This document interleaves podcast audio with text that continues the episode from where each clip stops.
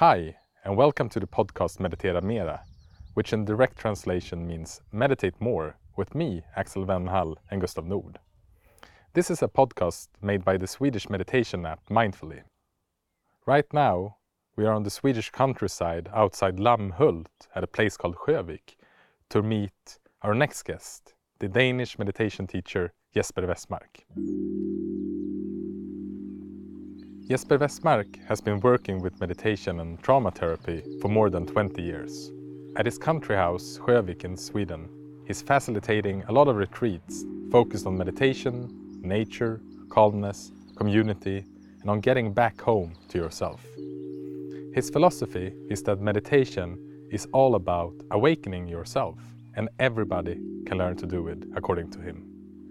In his retreats, his main focus is helping participants getting connected to who they really are. And meditation and consciousness is exactly what we will explore with Jesper. What different facets has consciousness? How can we explore that we're not our thoughts, but at the same time being just that? How can trauma hinder us from being ourselves? And how can also meditation help us heal? And what advice do Jesper have for all of us who wants to meditate more and truly be who we are. Mm. Everything good. Everything good. yeah. what a yeah, my God, we should have more. we should have had more. Huh? Hi, Jesper. Hello, my friend. Thank you for uh, welcoming us. Nice to have you here. Right now we're sitting in your new built yurt. It's true. Yeah, we just put up a yurt here. It's a beautiful round space with the sunroof and uh, sitting here enjoying nature at the same time we're inside. Yeah. Uh, it's beautiful. Yeah. Very nice. And this is the first time we meet, but um, I got introduced to you by our common friends Julie Moltke mm-hmm. and also by Claes Eriksson. That's true. Which we had as a previous guest. Yeah. So it's really nice finally meeting you. Yeah, thank you for letting me be on your podcast. It's, mm. it's a, I feel um, that is very nice that you're inviting me in mm. and coming here on Sjövik to do this together with me. So thank you for that. So we will explore meditation as we usually do in the podcast. yeah, yeah, it seems like. Yeah. and uh, in the beginning of our conversations, we usually have a short landing meditation. Yeah. So, would you mind just uh, joining for a short landing meditation? I love to. I yeah. love to. So, uh, for you who's listening, if you have the possibility to just stop and be still, you can take that time.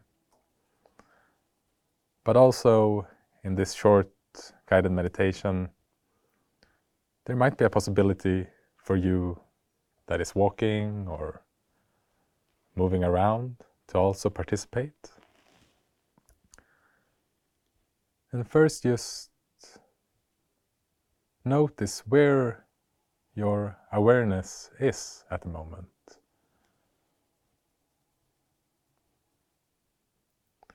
And usually we feel our awareness up in the head, behind our eyes.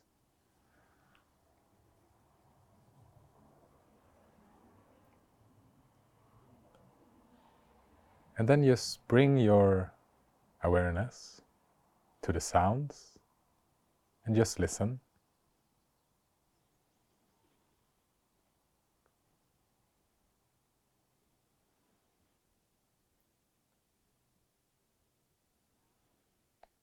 And then bring the awareness to the back of your head.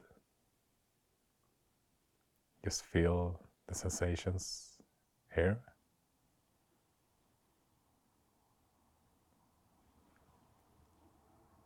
And then bring down your awareness through your neck and throat, down to the upper body.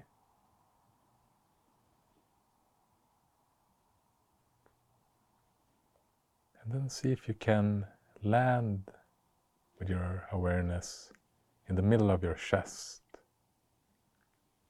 in this heart space heart presence.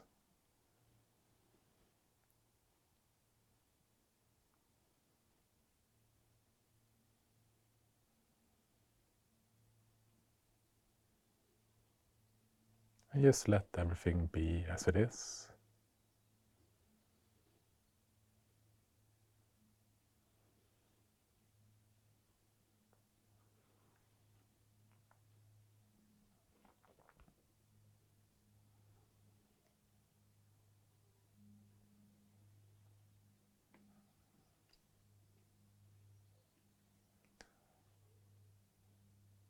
And just curiously see if your awareness has gone up to the head again, like an elevator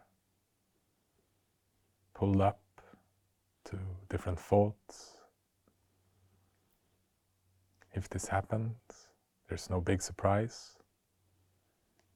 Just gently bring it back down to the heart and the heart space. Feel the sensations and the space around this area.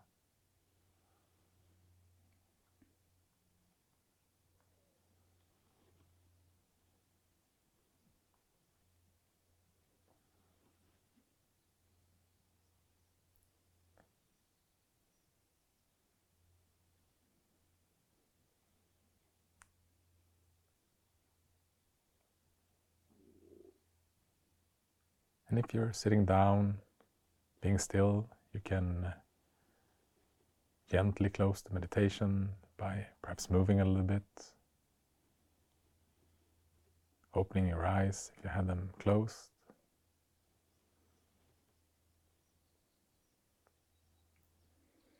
And just bring back your awareness to wherever you are and to this conversa conversation that's just about to start.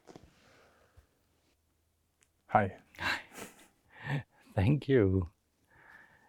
What a pleasant thing to discover that uh, just sitting listening to your voice is so beautiful. Normally it will be me guiding, and mm. it's just really nice to be there, hold by your voice, mm. leaning into that space you're talking about in the heart. Beautiful. Thank you. Thank you. So uh, I'm curious, where were you in your life when you discovered meditation? So meditation has been part of my life since I was a little child. I just didn't knew it was meditation at that time. See that I discovered um, many years later. But I uh, had that ability to lean into that space you were just talking about in the heart and they will be present in my body. Just um, discovering those emotions coming up, looking at thoughts, learning how to work with energy, and I did actually that by breath work. That I was just having an inner connection to, which was totally normal for me. So to realize that it was just very easy and a very easy part of me to be a child, being in that common space. And most of people probably uh, know how it is when you're just a child and everything is just okay and you don't know about time you don't know what day it is, and you just allow everything to be as it is. Mm. And that thing really stayed with me all the way up until I was starting in school. So I was a little bit shocked that um, the introduction to time and to learning something like days and labeling. And um, of course then leaning into that of having that knowledge the mind is awakened. So i would put it this way around that the mind and time is one and the same. So the mind is working with the good and the bad opposites, and it's working with time, and it's working with the past and the future, mm-hmm. and don't really want to get into the present. And for me, it was a shock that there was something called time. So it came in really fast and was, what is this? So I didn't know what the time was at that uh, point. So I kind of learned that. And How old were you then? It's seven years old seven now. Years old, yeah, yeah, because I started in, in the first class. Yeah. First year, and um, then learning about time and learning I have to do something to gain something. And that was a beautiful ride also. But all the time I was having this sense of who I am because I've been training that for so many years when I was a child. So it was very rich for me. After that, it was more like I was using it more once in a while, knowing how to go into an emotion, stay with it, and breathe into it. It was quite normal for me to do that. And at one point, when I was 17, I had a what you would call a, an out of body experience, probably. Uh, for that time uh, of me experiencing, I thought I died. It could be like that also. Mm. Uh, I will I will say otherwise. I I woke up, and I was absorbed into that sense of time is not existent. There was nowhere to go. I was just one with the whole universe. And that experience took me quite a while to digest. It took me nearly 20 years. And uh, it means those 20 years was um, um, sometimes where I, I really want to escape it, and I did that in work, in um, alcohol, drugs. At one point, it was like I couldn't escape anymore. I lost myself completely. Mm. And looking back to that, I know why I should try it because I'm working so much with um, people that will have lost themselves into time, to the mind, to past and future, forgot totally who we are. So I know most of the people are living these kind of lives, but it's possible to wake up from it. Mm. And like I'm saying, there's a reason why it's called wake up, waking up, because the other state is actually a sleeping state. So you can wake up from time, knowing it's not real, it's something we invented, and knowing it's all the time now.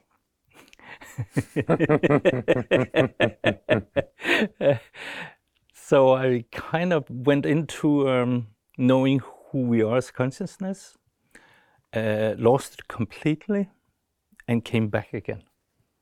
And I was born like it was more uh, intuitive, like in that state, and then to lose it completely, and then getting the knowledge how am I getting myself back? How, how am I getting the knowledge back into who we are as consciousness, but not in an instinct, but in a, how should we say it, like there's a knowledge to it.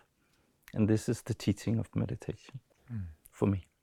Was there any difference in, in that awakening you had when you were 17 and that experience as a child, or was it more more of a expansion of, of the feeling or experience of being as a child?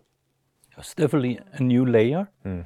because at that point I had my my ego full de- developed as a teenager. So they're living this teenager life and then uh, having this knowledge, and it happened just like I was just laying myself down for a rest, and in that rest, instead of just falling asleep, I just woke up outside of my body. It was like, you know, where you fall sometimes when you sleep, and that it gives like the little you go your body goes like this like Yeah, uh, it jumps a bit, yeah. it jumps a little Yeah. but in that jump i woke up outside of my body and from there just saw a, a very foggy place um, and, and and then i moved to the f- the fogs and then there was like a big sun that i could beam after or, or then was just searching for that light and then just moving through those landscapes i went through like mountains and then the sun at the back and then i went through the sun to the light and then it became pitch dark. And there was nowhere to go. There was no time there was just space and there was just present moment. Hmm. And in there i got taught so much. And the thing is this is all about who we not are as minds. So in mind we only know what time is but knowing who we are as no time is a totally different experience and i guess i have to be rooted so much in in that ego as you are as a teenager to have that um, experience of what it what that nothingness is. You can put it in that way that it's it's really nothing. And the, the whole ego is about there is something. It's discovering. It will it will also call it emptiness. And if if you call it emptiness it's like there should be something there but there's not. And this is the whole mind game here because the mind is never going to discover who we are. Hmm. It can it cannot reach into it hmm. because it's not made from it. And here's a challenge then because if we are absorbed in that space in that darkness where there's nowhere to go there we are all equal as one as one universe. And then how do i put that into something? There's only understanding something is starting and then letting go again. Because this has never started. And that's the whole thing about it. It has never started. It has never started to be dark. It has never started to be now. It has never started to be a space. And it's never started to be silence and it's all over the place when you reach into that so how do you understand something that has never started where the mind where everything is about something starts hmm. and then it ends at one point that was a challenge it was a huge challenge it's, a, it's a huge challenge. it's a huge It- challenge it's, it's understandable. It's, it's not understandable, I mean. exactly Yeah. It's like quantum physics. You're never gonna understand it. Yeah, but but but we can lean into it. So we can lean into that. It's all the time gonna be a present moment here. But you're never gonna understand it. You can probably say yes, I do understand it, but you really don't, because it has never started to be now. That um, insight of not starting, was that uh, an experience you had during that Yes, awakening? Yeah, that was the teaching. that was teaching. Yeah. That was teaching. And then you're trying to grasp it with your mind. Hmm. and it's it, the more you're trying to grasp that, the more confused you're going to get. You can put it that way around. Because you're never going to grasp it. So it's all about surrendering into what has never started, what is actually real. And then hmm. there's somebody observing that real present moment, this real silence, this all over darkness and all over space. And that was for me very easy actually, uh, because uh, I remember it was not so many years ago since I, I, I was in that space all the time. But then again, there's some challenge to it. Like I said, it took me at least 20 years to, to get into where I was more, mm, how should we say, surrendered into it in time. But then again, the mind wanted to understand all the time in these 20 years.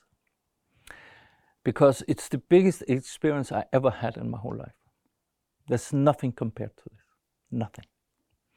So, of course, my mind wanted to understand it. And the more I tried to do that, the more I lost the surrendering into that's what it is. It's just there. Mm. So I will put it this way around. It took me 20 years to surrender to. The mind is never going to understand it, but I'm already there. I'm already whole. As soon as I tried to understand it, I lost that wholeness. Mm. And that was my surrendering. So the kind of impulse to understand did it also kind of make you identify with that kind of mind uh, mind movement to understand yes. which in, in that terms got split? Yeah. Yeah. So you can look into i search in i was looking in all kind of direction religions. I work with nature, uh, nature people a lot. And uh, really places where they try to grasp it, to understand it, um, and uh, it helps. I will I will put it that way around. It helps you to surrender, where the mind actually can get a little anxious. And this is what I will say. This this is what it's all about when we're trying to reach into understanding with the mind.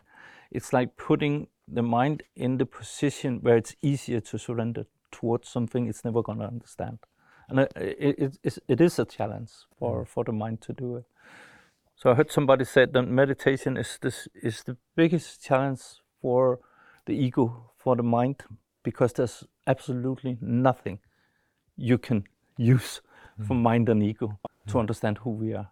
Mm. It will all the time pull you in another direction. Yeah. yeah.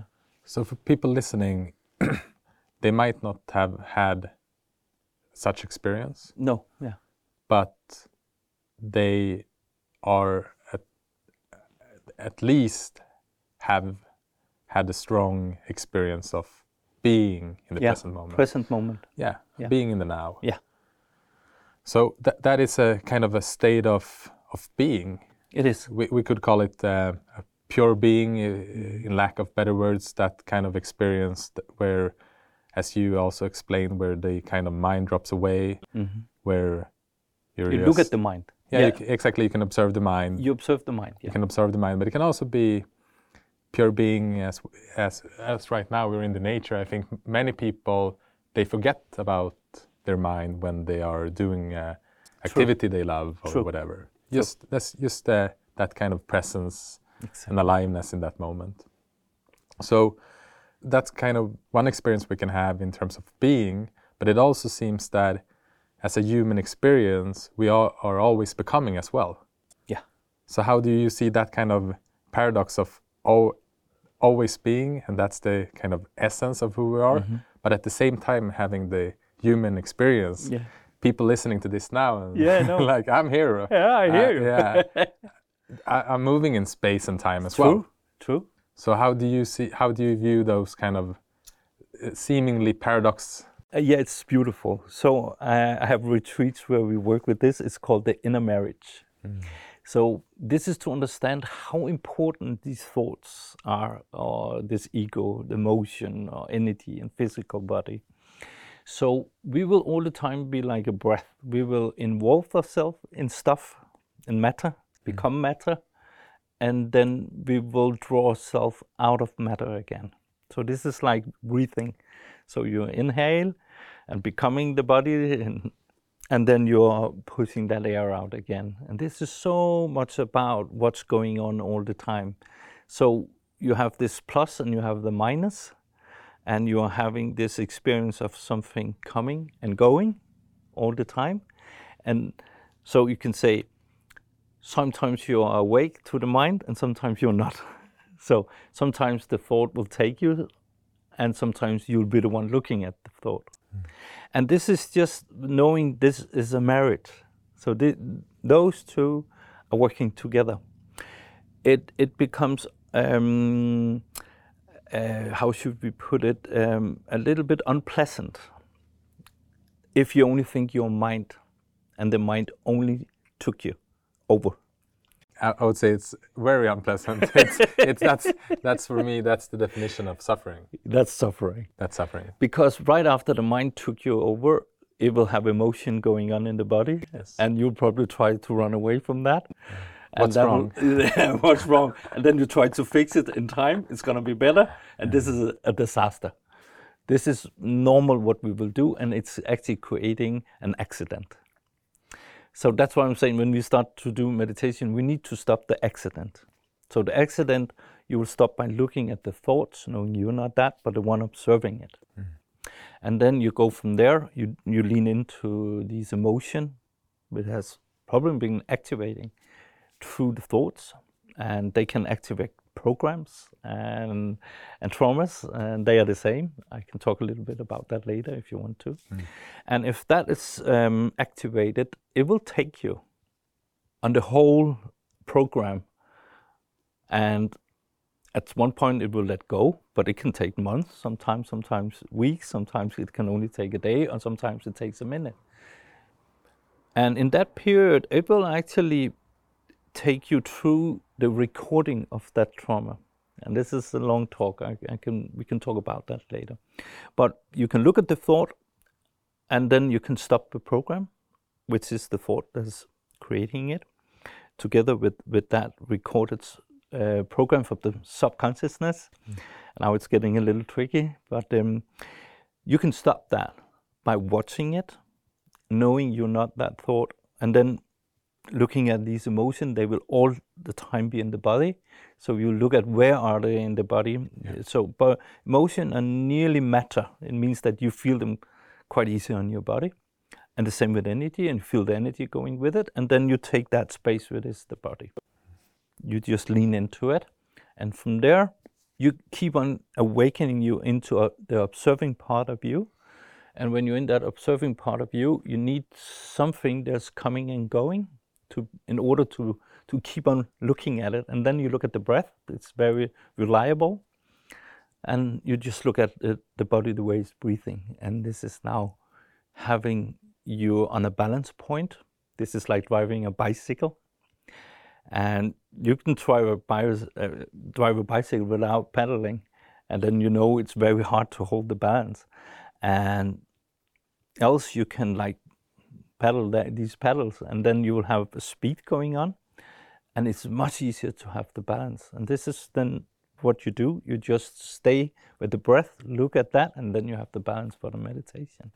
And you just keep on breathing. So you know you're not the breath, but you're the one looking at the breath. So you have the breath, and you are, um, yeah, confirming it how beautiful it is. But in the same time, you know you're the one observing it. And this is the inner marriage. This is what it's all about. So now they're working together. It's not like the that the ego is not welcome. These thoughts are not welcome. They're not bad or anything. They are just there. They are just nature, actually. They're chemistry. And this is this is when you start to lean into the nature of the body. And you can you can ask yourself this question. So so is nature good or is it bad? And uh, I will help you a little bit. It is. it is. It is. It yeah, is. exactly. yeah, it is. And this is the same. This is actually what we are reaching for, and this is where we are surrendering in towards. It is. So the mind will all the time go for good and bad, and time, and and trying to reach into that to fix something. And every time it tries to fix something, it will actually tell your body and your ego, the mind, that it's there's something wrong here. You need to fix something. Yeah. But but the whole idea now is for meditation to to know that you're already perfect. I mean, Mother Earth, she, she has spent a million of years on these bodies, and they are just perfect. And now we not just need the mind to stop fixing them. Hmm. I think you're addressing a really interesting topic here because one thing that happens when you start meditating is you're starting to become more aware of your of your thoughts and your feelings and and in those moments when we moments of clarity or uh, moments of peace or moments of uh, happiness our thoughts seems not to be that intrusive in one way So of course, there's easy to have that feeling with our thoughts that they become our enemy. Yeah. And and I think one of one of the best things I've heard is is I think it was uh, Adyashanti, the American uh, meditation teacher. His teacher told him that if you go to war with your mind, you will be at war forever. True. And what I notice in myself is this can become quite a, mm, unconscious in a way It is. to, to see that, okay, what's, and it's a really good inquiry and a really good question to ask yourself what's the relationship I have right now towards my experience Nature. and towards uh, my thoughts and feelings? exactly. Is there any resistance to it? And resistance can take different shapes and forms, obviously. so true. and that's why I I, I felt always felt I, I completely felt so um, at peace with the instruction to let everything be as it is It's so true. because in that space there's no problem No. there's nothing to fix No. if I'm It's true. actually allowing everything to be as it is, mm-hmm. there's no movement for grasping no movement for resisting mm-hmm.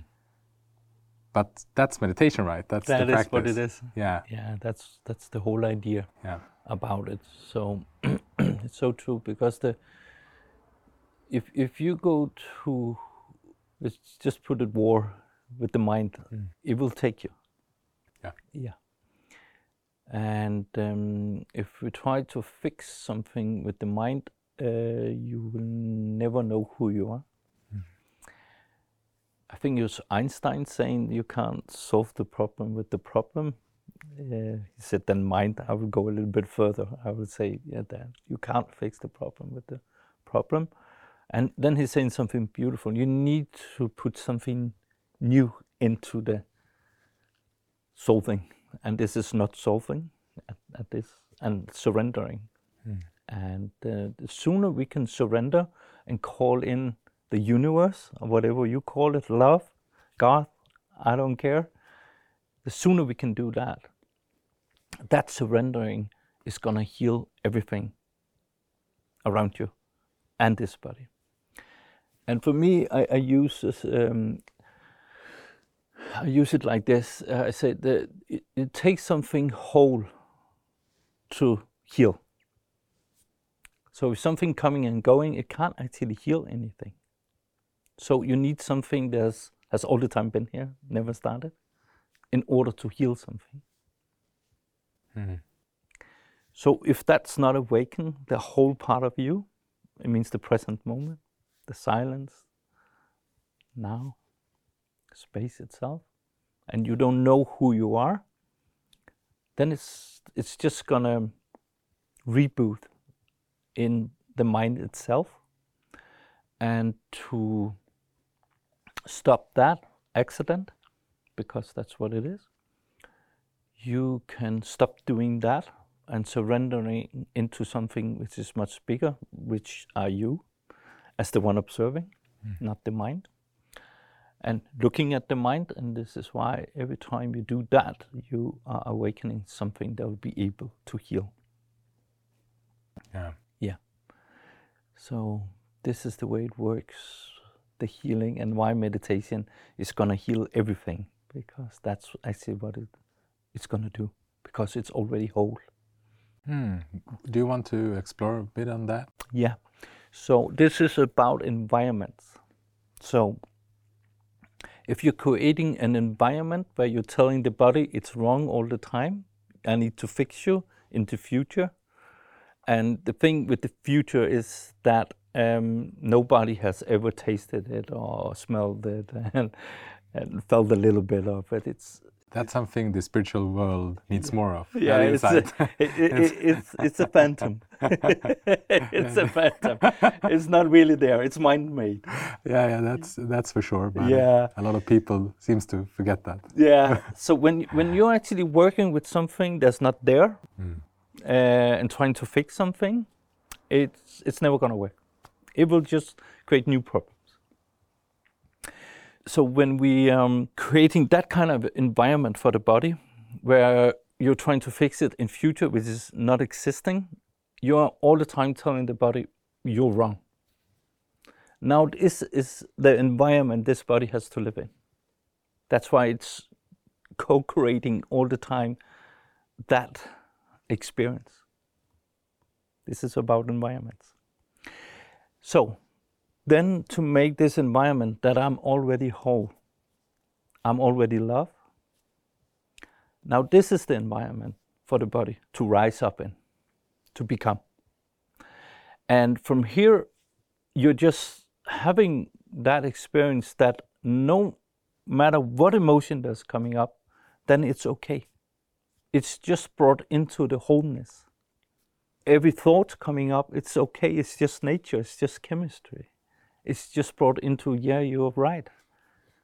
I can easily be that. And then it's so easy to just, if the mind is saying something to you, you know, it attacks sometimes. And then you're just saying, yeah, I'm also that. Mm. And then you just keep on breathing. And then it will tell you are also childish or something like that. Yes, I'm also that. and then I'll say, yes, I'm many things. But this is, of course, still using the mind. This is why I'm saying these are these are the things that I was talking about in the start. Instead of fighting the mind, these kind of experiencing how do I have a language where I'm much more leaning into what consciousness is? Where it's an allowingness, it's like being equal with everything. And the mind doesn't want to be equal with anything. No. No, it wants to be the best. yeah, well, you can't survive being equal, right? It's true. So, so this is what's going on. So you are coming into a very equal place, a very allowing place, I can easily be that, no matter what the ego, but uh, everybody's talking about you saying you are like this and this, and you say, yes, I'm also that. Mm. Where the mind will say, no, I'm not that. You see? Yeah. So, so this is now creating an environment, an environment where you already whole and understanding there's a lot of chemistry passing by in that wholeness. Let's just take silence so there's a lot of sounds, waves passing by in silence. But the silence is never complaining of any sound passing by in its silence. It's just there for it. And just being there for it as it is, it's making every sound sound very quiet, very it, it doesn't have a long frequency time in silence. It will just be absorbed. And the same when you when we can do that as consciousness, we'll just absorb every thoughts coming by, every emotion passing by, and all the energy is passing by, and the body we're just present with it as, as it is, knowing it's it's perfect.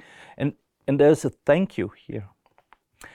And, and, and then the more you're coming into this, thank you for letting me borrowing this body, because that's what it is. We are forgetting who we are a lot of the time. We think we are an animal body, and then a consciousness is coming in once in a while and say, "Oh, what, what was that?"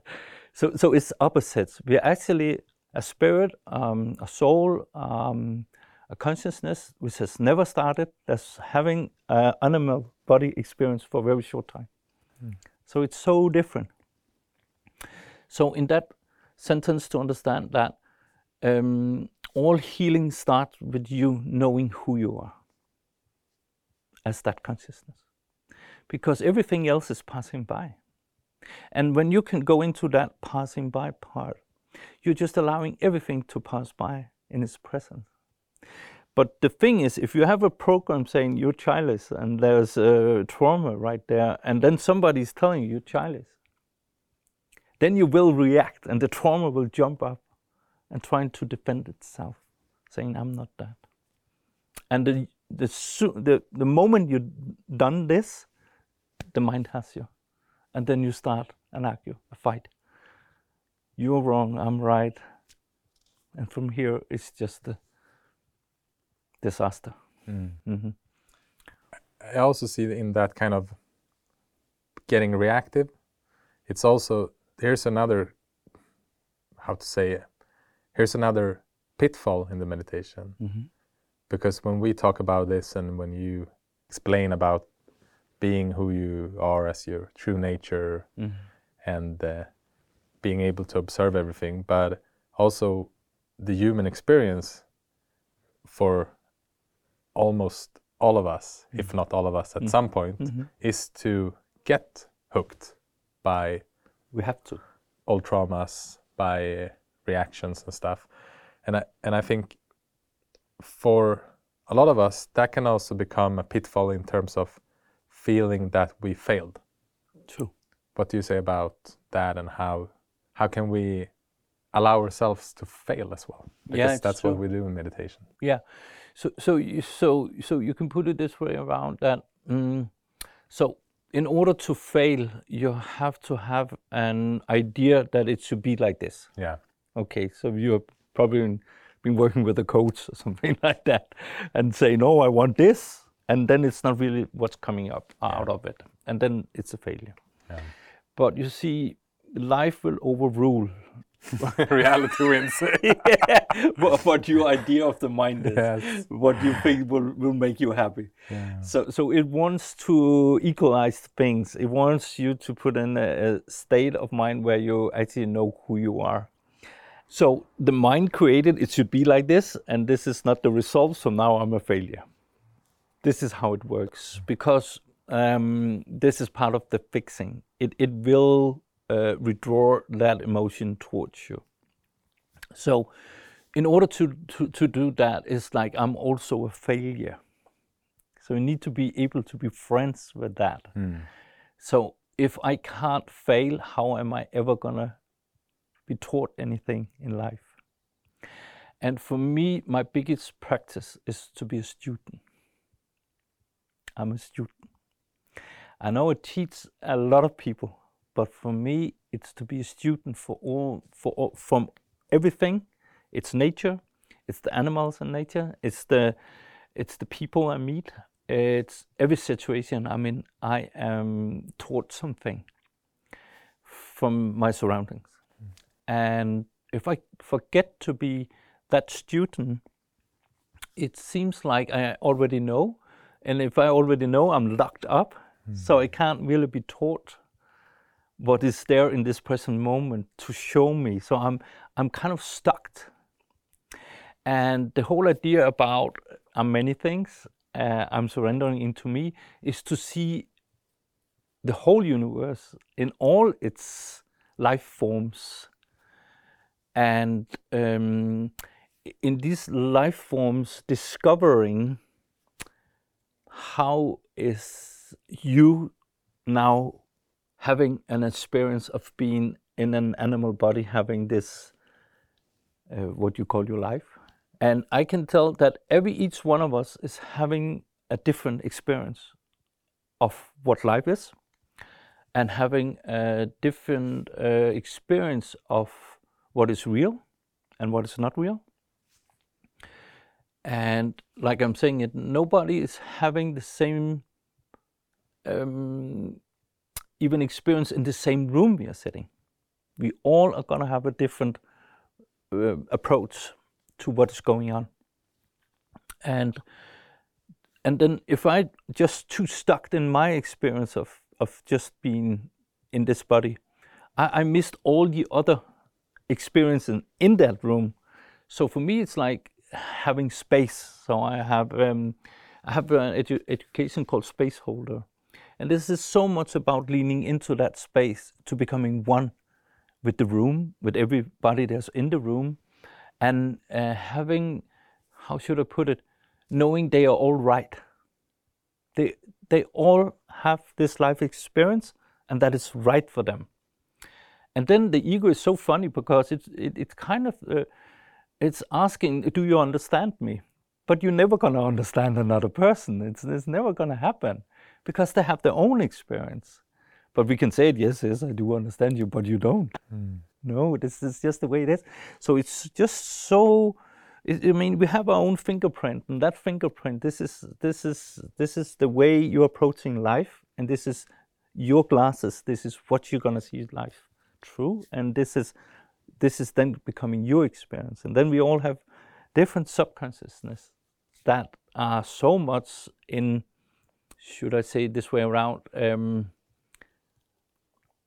letting you experiencing life again and again and then it's becoming its own um, uh, truth because it has the program and then it's drawing that towards that body because they are like magnets these uh, programs we have in the subconsciousness and then they will draw life into you as you have your own consciousness and so it means really that you can only see what's inside of you but you, you then you're missing all the others hmm.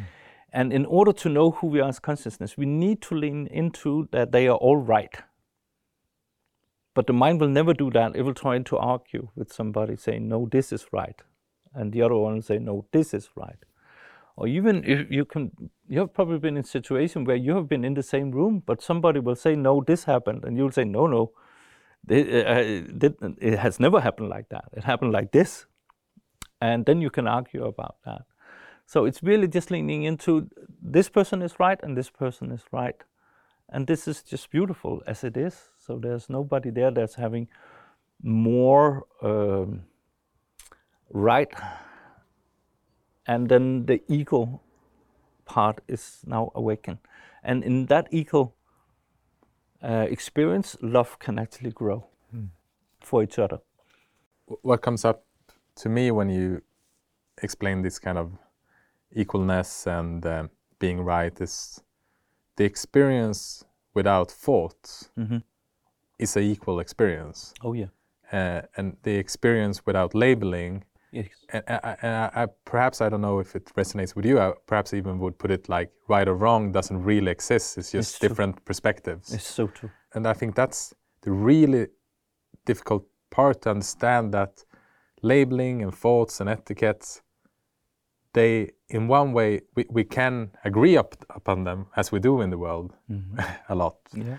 uh, about having certain certain things that is mind made it is uh, whether it's uh, how much money is worth or owning a land for example mm-hmm. Uh, it's it's not it's not real in that it's not ten- tangible real but it, since we come up with it uh, an idea and we can agree upon that it becomes in one way mm. relative real but the experience without without thoughts. And I think that this is also a quite of a insight to have and see that thoughts don't have any kind of reality except the relative reality we give to them. Like they are, they're uh, in one way they're they are out of. Yeah, the best way I can put it is that they're not real. Yeah, they are. They are. They are. They're chemistry. Yeah and they are um, they are made from lots of them are made from traumas and these traumas are something we are trying to escape that's why they're pushed down to the subconscious and this is why they feel so real and they feel so real because we are believing in time together with mind and um, we're very easy to trick. And this is part of why we believe so much in, in, in the mind. So if you're dreaming, you are believing in that dream when you're dreaming it. It means that if somebody is hunting you in the dream, you think you're running away from that thing. Mm. But you're still in the bed sleeping. Yeah. But you're believing it.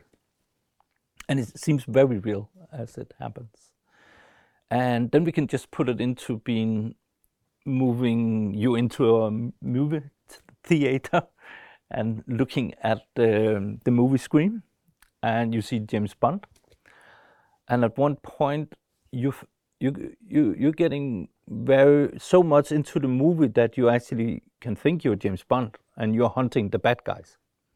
And when you see the bad guys is getting punished, it gives you a very nice present. Oh, he got him. I got him. And the mind is there just traveling whatever it sees or whatever it thinks it's, it's real. And then you can wake up in the movie, uh, in the theater and saying, wow, I'm just the one sitting looking at the, the screen. I'm not James Bond uh, trying to hunt the, the bad guy. But, but if you look at the mind and see the movie, it's like you're really in it You're co- becoming it nearly. And it's the same with the dream. And then the trauma is very real. Uh, and every time they are exposed and they are awakened, it becomes much more real that you are dream- uh, than you are dreaming or you're sitting in a movie theater. You are so much in it. You are believing in it so much, and it's very hard to to wake up like you can wake up in a dream or you can wake up in a movie theater because they are in what we call reality. So they will take you, and um, they're not even. Um, I believe they are. They are. They are. They are more than that. Uh, I mean, we, we know how how big placebo is. You're just uh, believing in something, and then it can cure you. And uh, this is like uh, beliefs on steroids. These traumas. So so they are. They will just take you. So how do you work with trauma? Because there seems to be a, a kind of a paradox there that we, in mm. one way, to heal, we need to be the one observing Yes. those programs and Yes. those trauma and those reactions. Yeah. But at the same time, those traumas are so strong Yeah. that we become unconscious and Yes. reactive. Yes. So, how, How do do you we do work with meditation? How do you do? How do we do it? yeah, do I have five the minutes? fixing part is awakened. Yeah, first of all, we stop fixing. First of all, we just um, look at it, it's there. And when we look at it, it's there. This is uh, maybe you have tried it like 10 times or something like that. It's the same output, same thing is coming up. Let's take something very easy. You're afraid of a dog and the dog is really getting angry around you. And every time you are getting next to a dog you get very afraid and they try to bite you and stuff. It, it's it's just it's, isn't phobia you can put it like that. They're they're much easier to understand hmm. than the the other one where you are messing around and, and playing with other people. So this that's just have that focus that it's more likely like a phobia. So the other traumas is the same. They're built up in the same way so first of all, in the situation where the dog is there barking at you, you are so reactive that you will just think, "Let's get away." I have experience in here; they will bite me, and they do. And um, so this is more in the life where it's suddenly coming up. But then you can sit in a meditation, and I put them like this. We have a part where I call it pre-meditation, and there's to be meditated. And to be meditated is like being slept. So it's not you sleeping your body, it's something you're surrendering towards. And then it will sleep you. I know the, the language is a little funny now. Uh, for amount of hours, and then you have rested, and then you will come back. So the same can happen with meditation. Just you just need to know how to come down in hertz. You have to reach a low hertz. So the, the, the deeper we move into the sleep, the lower the hertz will get. State four, one hertz. Okay, this is when you get healed. This is when the body is healing you. That's a long story. I can talk about that later if it is. So let me just move on here.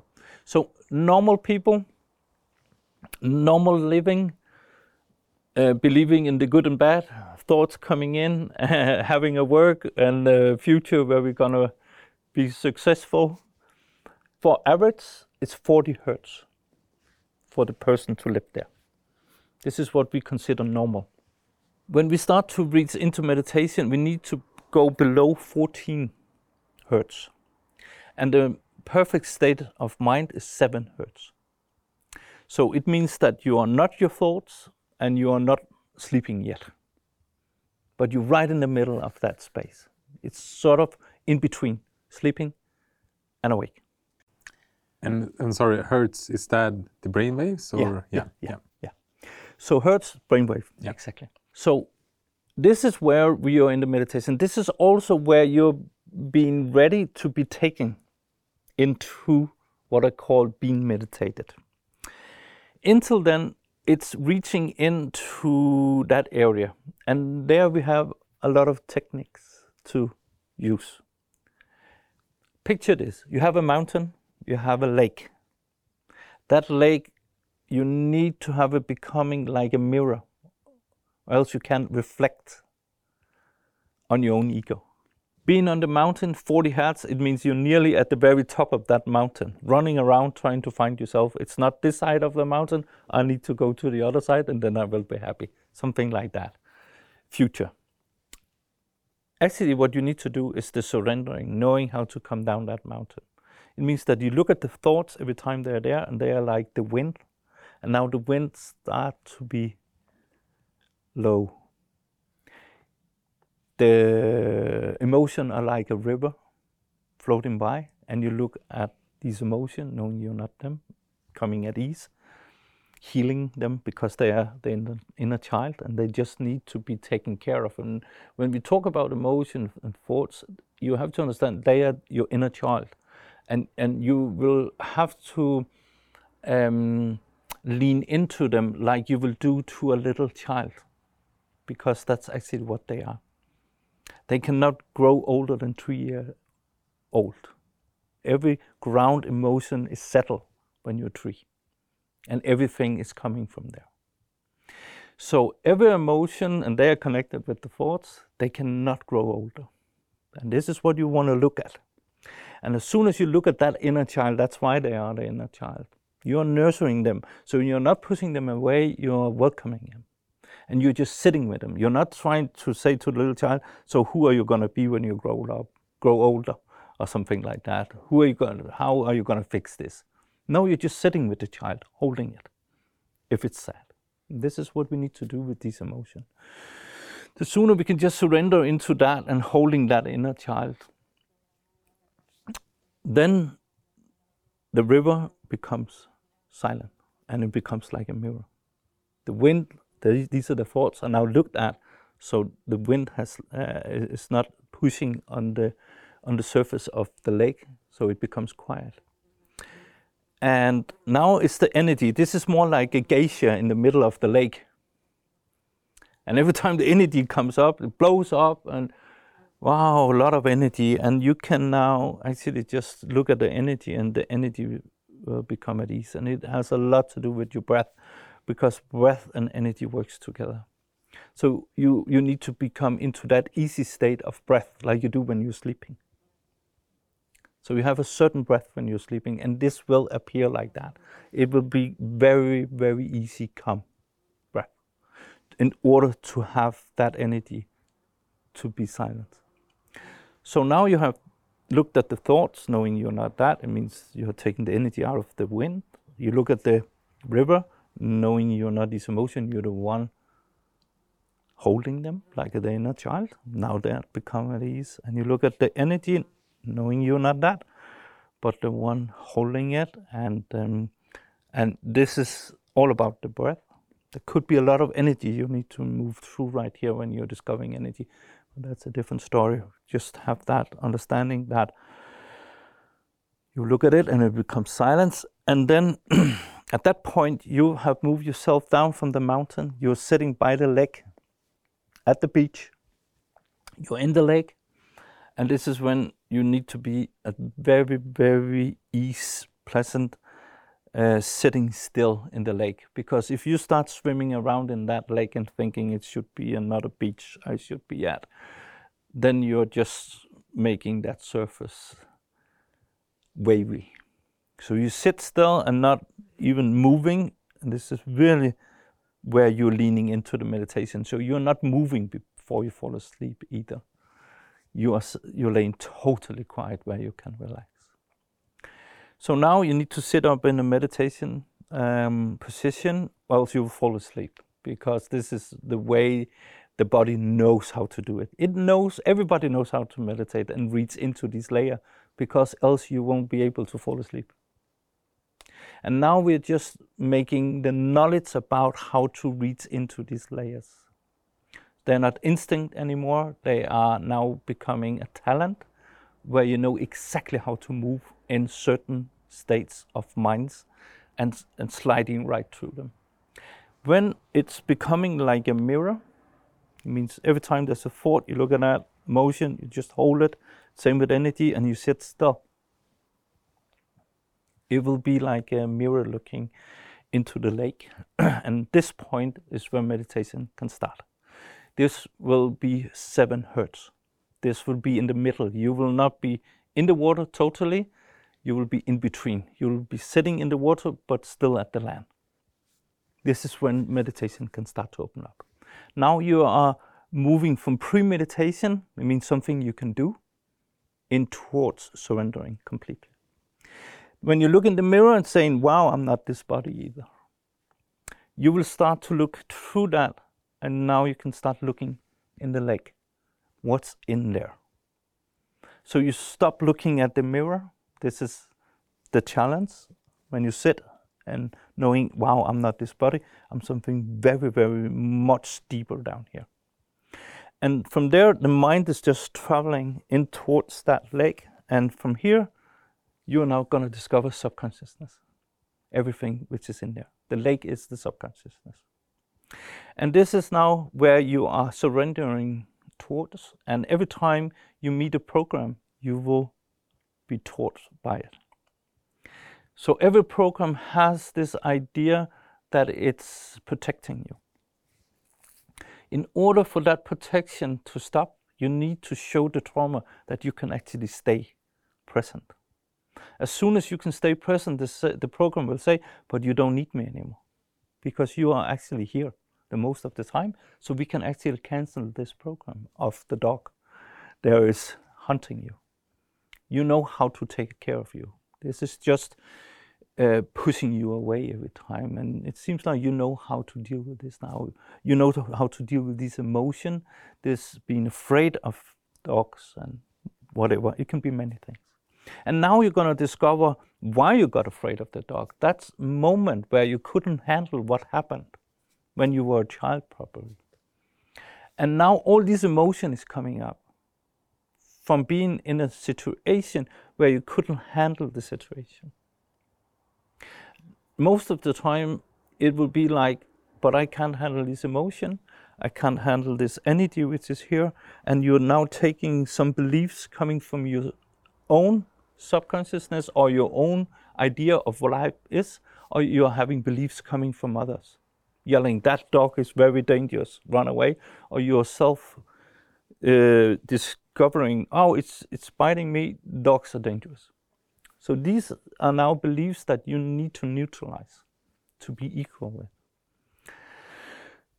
You can only do that in order that you know how to become at ease with these emotions. I mean, embrace them, be equal with them, and let them show up in your body as the chemistry they are.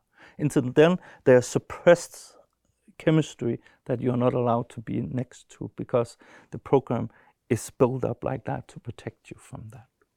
Now you're releasing in, and that is happening in the being meditation state, which is in the lake, and it comes to surrendering.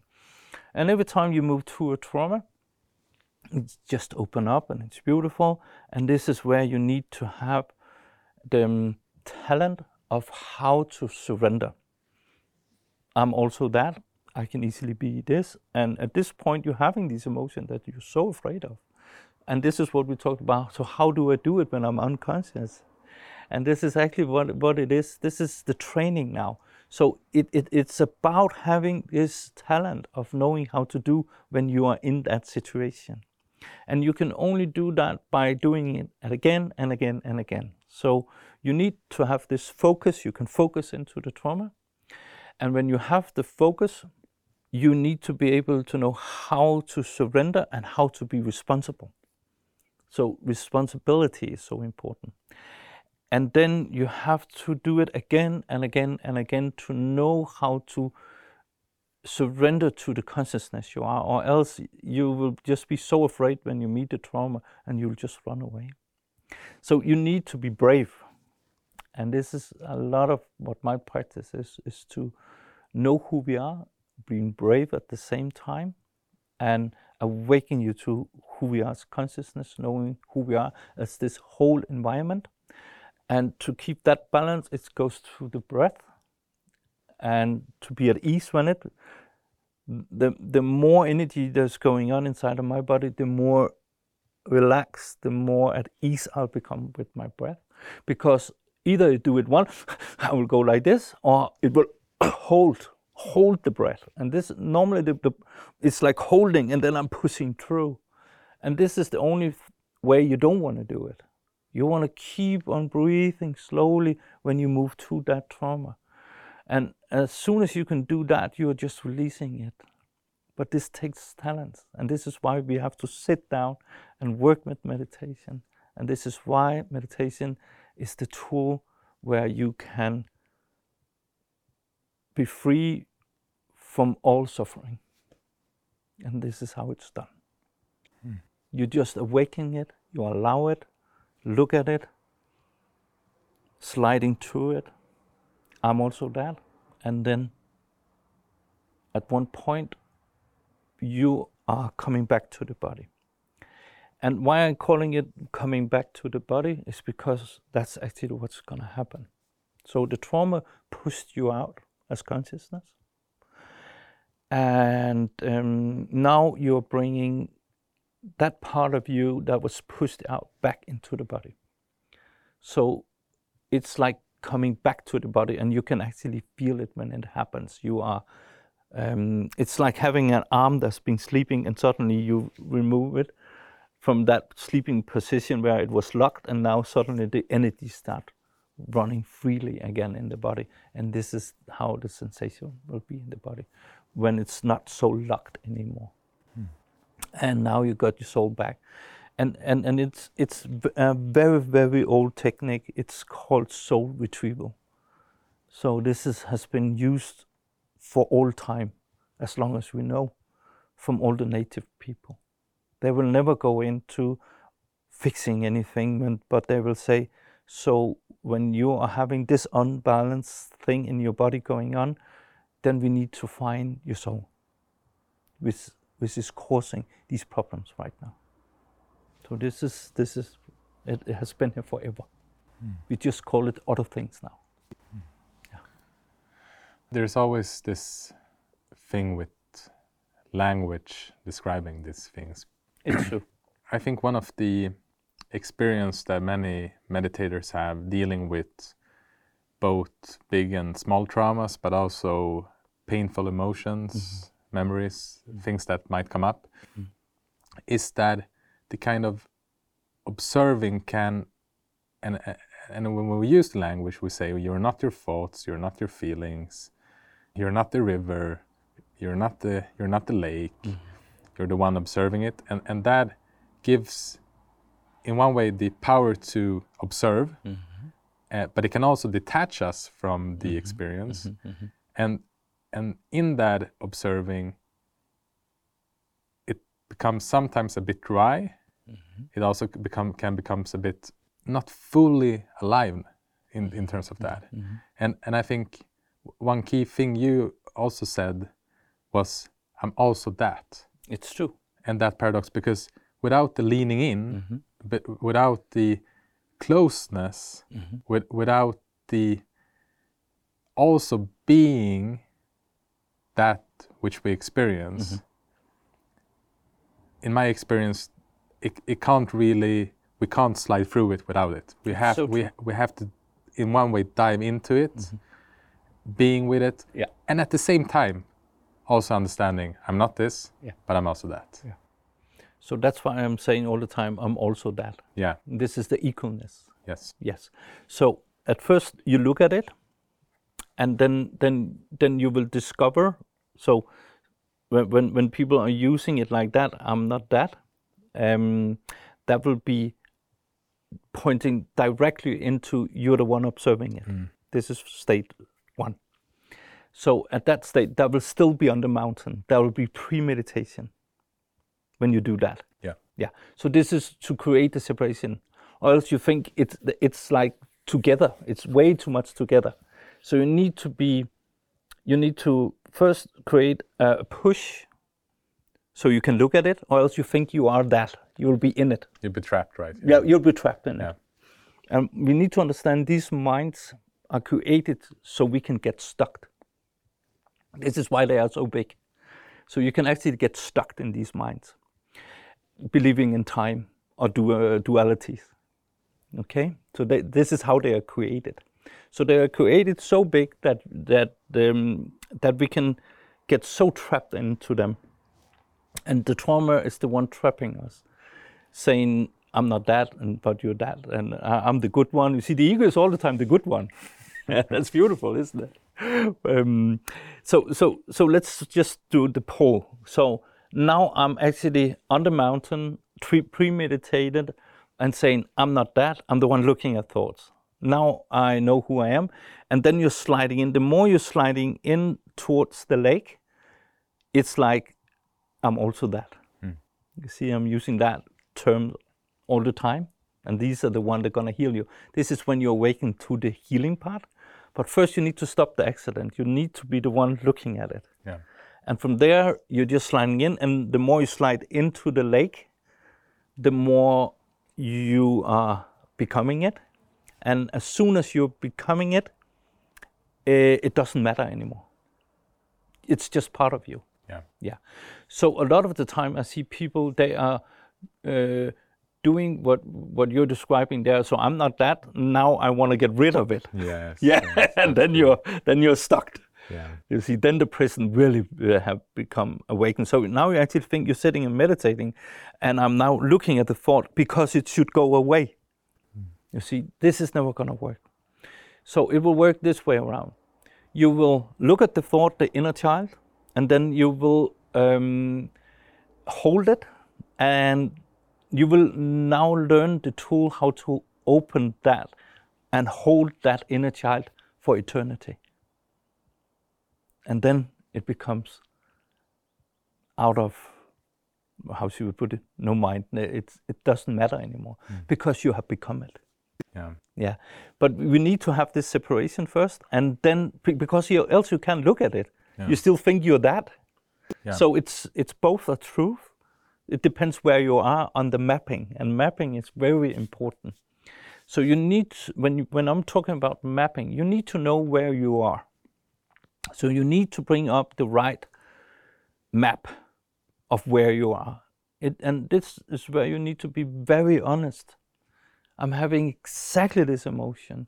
I'm having exactly these thoughts, this energy, and this body. And I'm right here. And when I can do this, the mapping starts. So now I know where I am. And from here, it's just surrendering into I'm also that. But in order to map, so I have like four satellites to do that. The one is thought, the other one is emotion, the third is energy, and then you have the physical body. This is the fourth. So these working together, you know where you are on the mountain. So the ego will all the time be on the mountain. This is for sure. It will believe in time. It will be believing itself when it's there on the mountain and it's trying to gain something or solve something or having some experience in coming by that it thinks it is. So this is very important to understand that, that the mind is all the way traveling for the new thing that it can experience. But as soon as it's not the object, but it's the one looking at the object, then you start to awake. And this is the part where you're saying, wow, I'm looking at the thought, it means I'm not that. Mm-hmm. You see? And and then you this is part of sliding down the mountain. And now you're becoming part of the mountain. And still, I would say, in the first layers where the sun is still reaching towards the lake, you will have this experience that you have to look at it, knowing you're not that, but at one point you become it. So it's like breathing in and out all the time until you're reaching into these layers where the sun is not reaching down in the lake anymore. And then you're home. Because it's the light that's creating dualities. That is the light that's doing that. Without the light, there's just one here. I, think that's a good, good, good way to end it. Think about that. yeah, yeah, that's what it is. Yeah, there's only one in darkness. Yeah, and a lot of experience to have in the light, and that's beautiful. So uh, I'm gonna hand over the microphone to you soon, and you've been so kind enough to guide a meditation. But before that, uh, we have a part of the podcast called Five Quick Questions. Wow. Are you ready? Yes, I am. What external factors helps you be present? Um, my son and my girlfriend.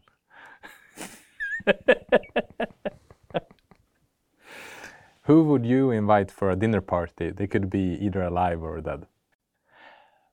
But I don't do dinners.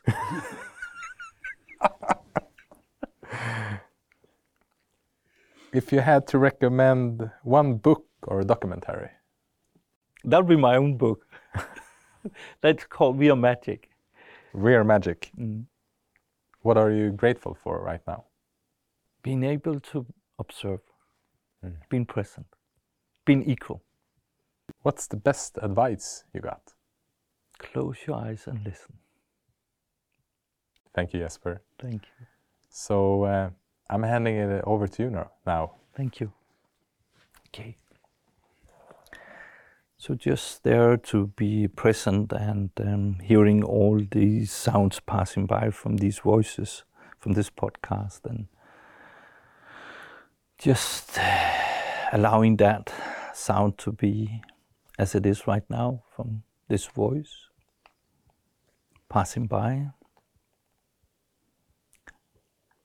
As we talked about, just being the one listening, but knowing you're not that sound. And right there, this uh, space is opening up of you are the one listening.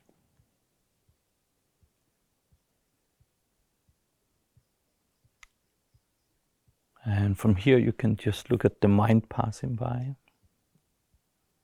These thoughts. Just allowing thoughts to be thoughts. Like you're allowing sounds to be sounds.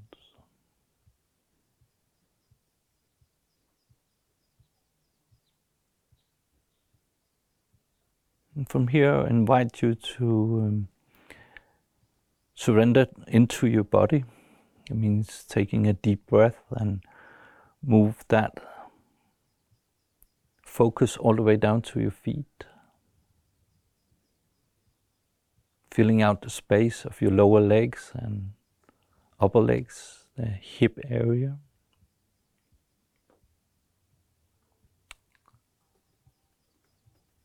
Being present there in the stomach and the way the stomach is moving a little bit. When the body is breathing, the same for the chest, shoulder. Just that slight little movement there when the body is breathing. Upper arm, lower arms, hands all the way out to the fingertips. Just being present here with your hands.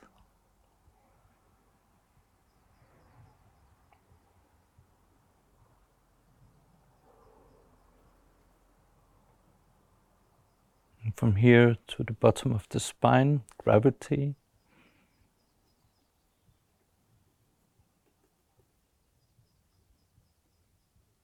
Up the spine, lower back, shoulders, neck, throat, the jaws, cheeks, eyes, forehead, top of the head, and just lean down there the back of the head. And from here, you just move straight forward into observing the breath. There's cold wind coming in the nose from the inhale.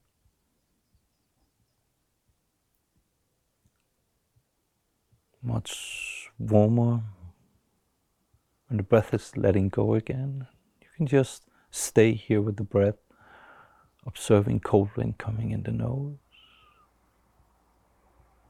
warm air letting go again. Just feel that body movement. When the body is breathing, means shoulder, chest, stomach.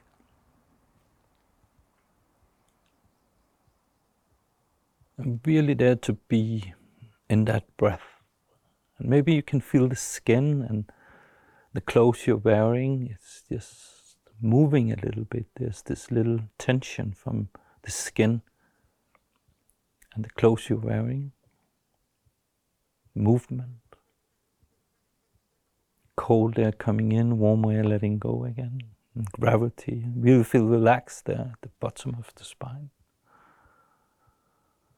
Just there, being in that space, which is what you're borrowing from Mother Earth, this body. Looking at the chemistry, the emotion, the thoughts, the energy passing by. Being there in that present moment, in that space, filling out this body, in this silence.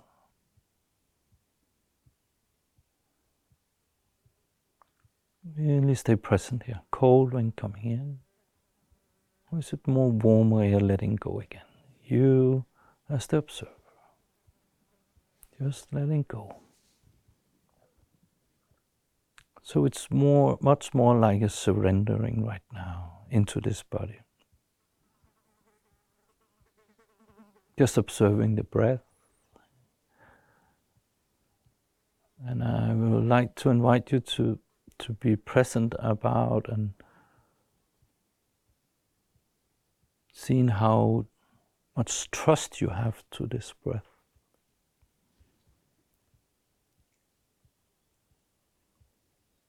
It's just that trust there's here already.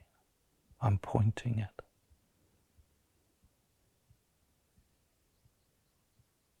Looking at that trust there's there in that breath. It will just come and go.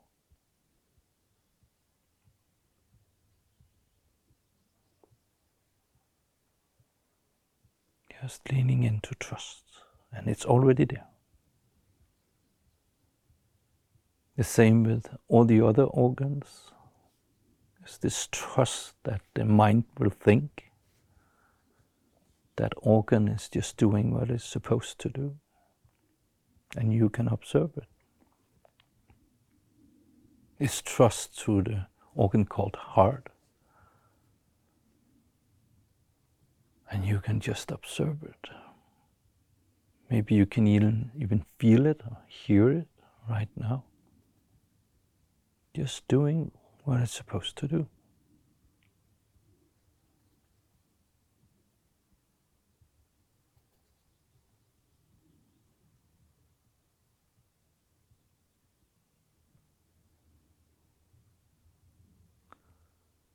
So the breath they are coming and going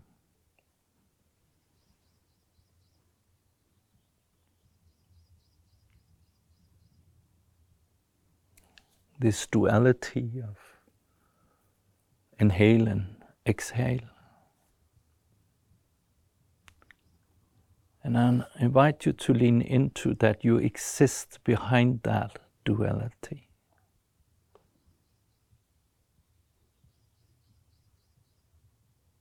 Because you're the one observing. And leaning into that is knowing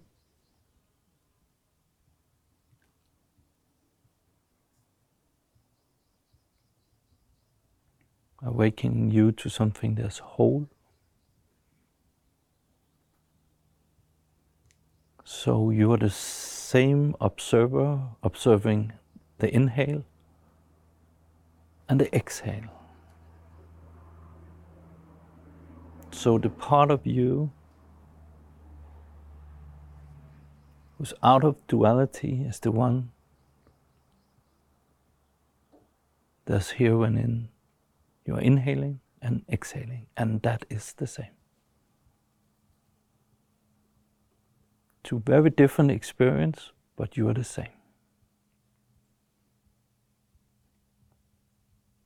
There's a knowing to this that you have all the time been here out of duality, looking at all the things passing by. And right here, this internal space is opening up in your heart. Knowing who you are. equal with everything. And from here, consciousness awaken, and this is where you can tell the body, I love you. I'm here for you. I got you. Thank you. Just stay here with this thank you. Eternal space, looking at things passing by.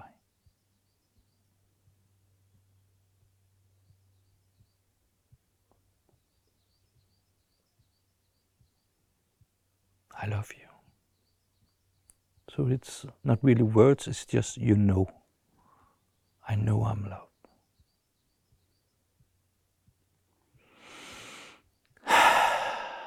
Just take a couple of these breaths here where you take the breath over. And just let go. Open your eyes slowly. Look at the world outside. Just sitting here, observing that.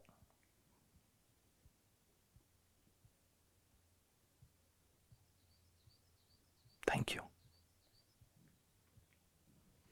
Thank you for letting me guiding this meditation. And thank you for letting me in this podcast. Um, I love you. Mm. Thank you for welcoming, welcoming us. It's Yeah. been a pleasure. Thank you.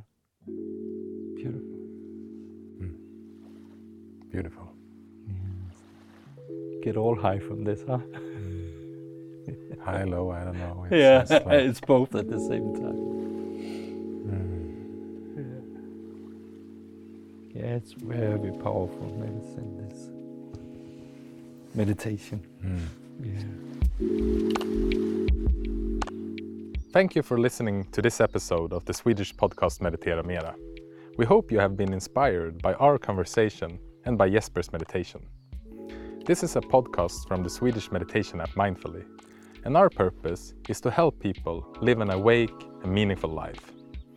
And if you enjoyed this episode, please share to your friends so we can inspire even more people to meditate and awaken to their true nature.